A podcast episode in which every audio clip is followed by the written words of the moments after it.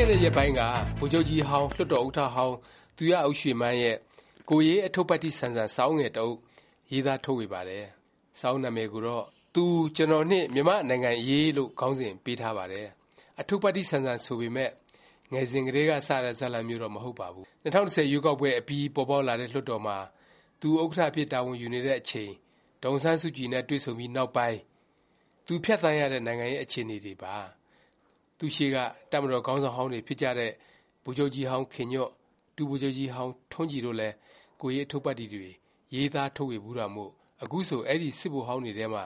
သူရဦးရွှေမန်းတစ်ယောက်လည်းစာရင်းဝင်သွားခဲ့ပါပြီ။သူ့စာအုပ်မှာဘာတွေရေးသားဖော်ပြထားသလဲ၊အဖြစ်မှန်ကဘာတွေလဲ၊ဘာတွေထူးခြားသလဲဆိုတာ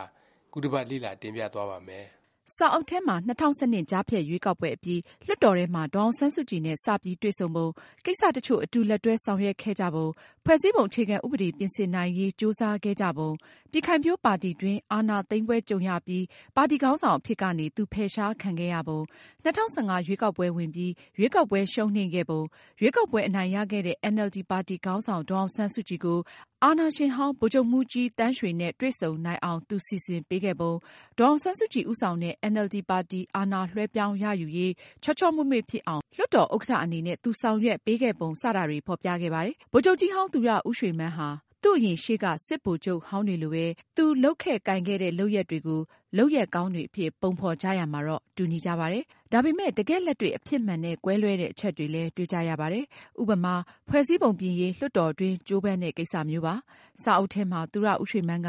တကယ်တော့ ဖွဲ့စည်းပုံ အခြေခံဥပဒေ ပြင်ဆင်လိုခြင်းသည် ဒေါ်အောင်ဆန်းစုကြည် သူ့အတွက်မဟုတ် ပြည်သူ့အတွက် နိုင်ငံအတွက် အဓိက ဖြစ်သည် ပြည်သူများ၏ဆန္ဒအပေါ် မူတည်ပြီး အခြေခံဥပဒေကို ပြင်ဆင်ခြင်းဖြင့် ဒီမိုကရေစီ ပြုပြင်ပြောင်းလဲမှုဖြစ်စဉ် ပိုမိုလျင်မြန်လာနိုင်ခြင်း၊နိုင်ငံ၏တည်ငြိမ်အေးချမ်းမှု ပိုမိုတိုးတက်ကောင်းမွန်လာခြင်း၊အမျိုးသားပြန်လည်သင့်မြတ်ရေး ပိုမိုကောင်းမွန်လာခြင်း ဆိုသည့် ရလာဒ်ကောင်းများ ရရှိမည်ဟု ကျွန်တော့်အနေဖြင့် ယုံကြည်ခဲ့သည် ဆိုပြီး ဖော်ပြခဲ့ပါတယ် တကယ့်လက်တွေ့ အဲဒီအချိန်က လွှတ်တော်ထဲမှာ ဖွဲ့စည်းပုံပြင်ရေး သဘောထား သုံးမျိုးလောက် ရှိတာ တွေ့ရပါတယ်။တစ်မျိုးကတော့ ဒေါ်အောင်ဆန်းစုကြည် ဦးဆောင်တဲ့အင်န်အယ်လ်ဒီပါတီကဖြစ်ပြီး ဒီမိုကရေစီ စံချိန်စံညွှန်းတွေနဲ့ ကိုက်ညီအောင် ပြုပြင်ချင်တာပါ။သူရဦးရွှေမန်း စည်းရုံးထားတဲ့ ပြည်ခိုင်ဖြိုး အမတ်အများစုကတော့ သူရဦးရွှေမန်း သမ္မတ ဖြစ်နိုင်ရေး အထောက်အကူ ဖြစ်စေမယ့် အချက်တွေကို ပြင်လိုပြီး တပ်မတော်သားတွေကတော့ ဖွဲ့စည်းပုံကို လုံးဝမပြင်လိုကြပါဘူး။အကြမ်းဖျဉ်းပြောရမယ်ဆိုရင် ၂၀၀၈ ဖွဲ့စည်းပုံ အခြေခံ ဥပဒေ ဆိုတာဟာ ကာကွယ်ရေးဦးစီးချုပ်ကခန့်အပ်တဲ့တပ်မတော်သားအမတ်၂၅ရာခိုင်နှုန်းနဲ့ရွေးကောက်ပွဲမှာအနိုင်ရအောင်လုပ်ပြီးလွှတ်တော်ထဲရောက်လာမယ့်ပြည်ခိုင်ဖြိုးပါတီအမတ်၂၅ရာခိုင်နှုန်းကျော်ပေါင်းပြီး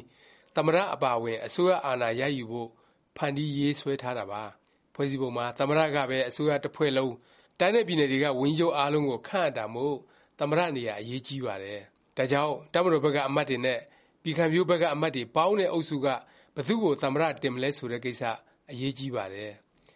၂၀၀၈ဖွဲ့စည်းပုံဆိုတာဟာ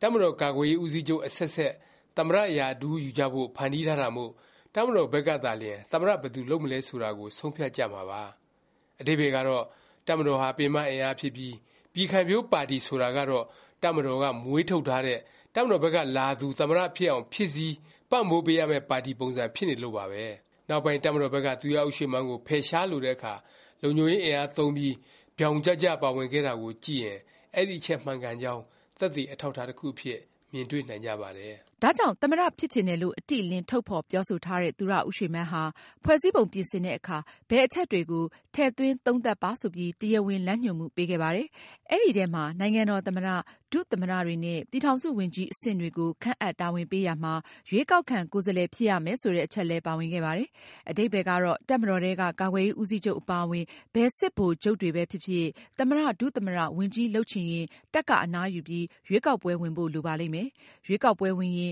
ပြည်ခိုင်ဖြိုးပါတီအနေနဲ့ပဲ ဝင်ရမှာဖြစ်လို့ သူ့ဦးဆောင်မှုအောက်ကနေ သူနေရာချထားပေးတဲ့ နေရာကနေ ရွေးကောက်ပွဲဝင်ကြရမယ့် သဘောဖြစ်ပါတယ်။သူပြင်စေချင်တာသာ ပြင်နိုင်ခဲ့ရင် သူရဦးရွှေမန်း သမ္မတ ဖြစ်ဖို့ လမ်းစ ပွင့်ကောင်း ပွင့်လာနိုင်ပါတယ်။ဒါပေမယ့် သူပြင်ချင်တဲ့ အချက်ဟာ တပ်မတော်နဲ့ ပြည်ခိုင်ဖြိုး ပေါင်းထားတဲ့ အစုအဖွဲ့မှာ ပြည်ခိုင်ဖြိုးပါတီဘက်က ဦးဆောင်မှုကို ရယူမယ် ဆိုတဲ့ သဘောဖြစ်တာကြောင့် တပ်မတော်ဘက်က ခါးခါးသီးသီး ငြင်းဆန်ပြီး သူရဦးရွှေမန်းကို ဆန့်ကျင်တဲ့ သဘောထား အဲဒီအချိန်ကတည်းက စတင်ခဲ့တာ ဖြစ်နိုင်ပါတယ်။ ဘယ်လိုပဲဖြစ်ဖြစ် သမ္မတဖြစ်ချင်တဲ့ သူရဦးရွှေမန်း သူ့အကြံအစည် မအောင်မြင်ရုံမက ၂၀၁၅ သြ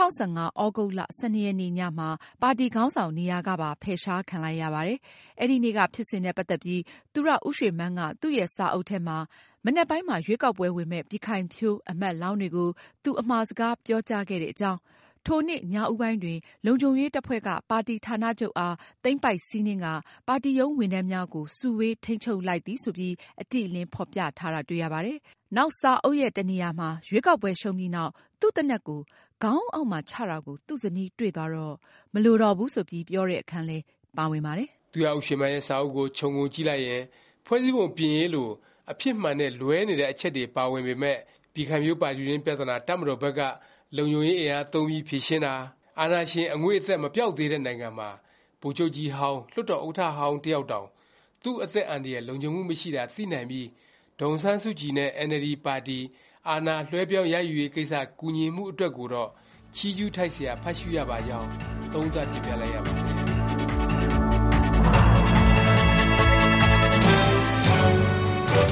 ်။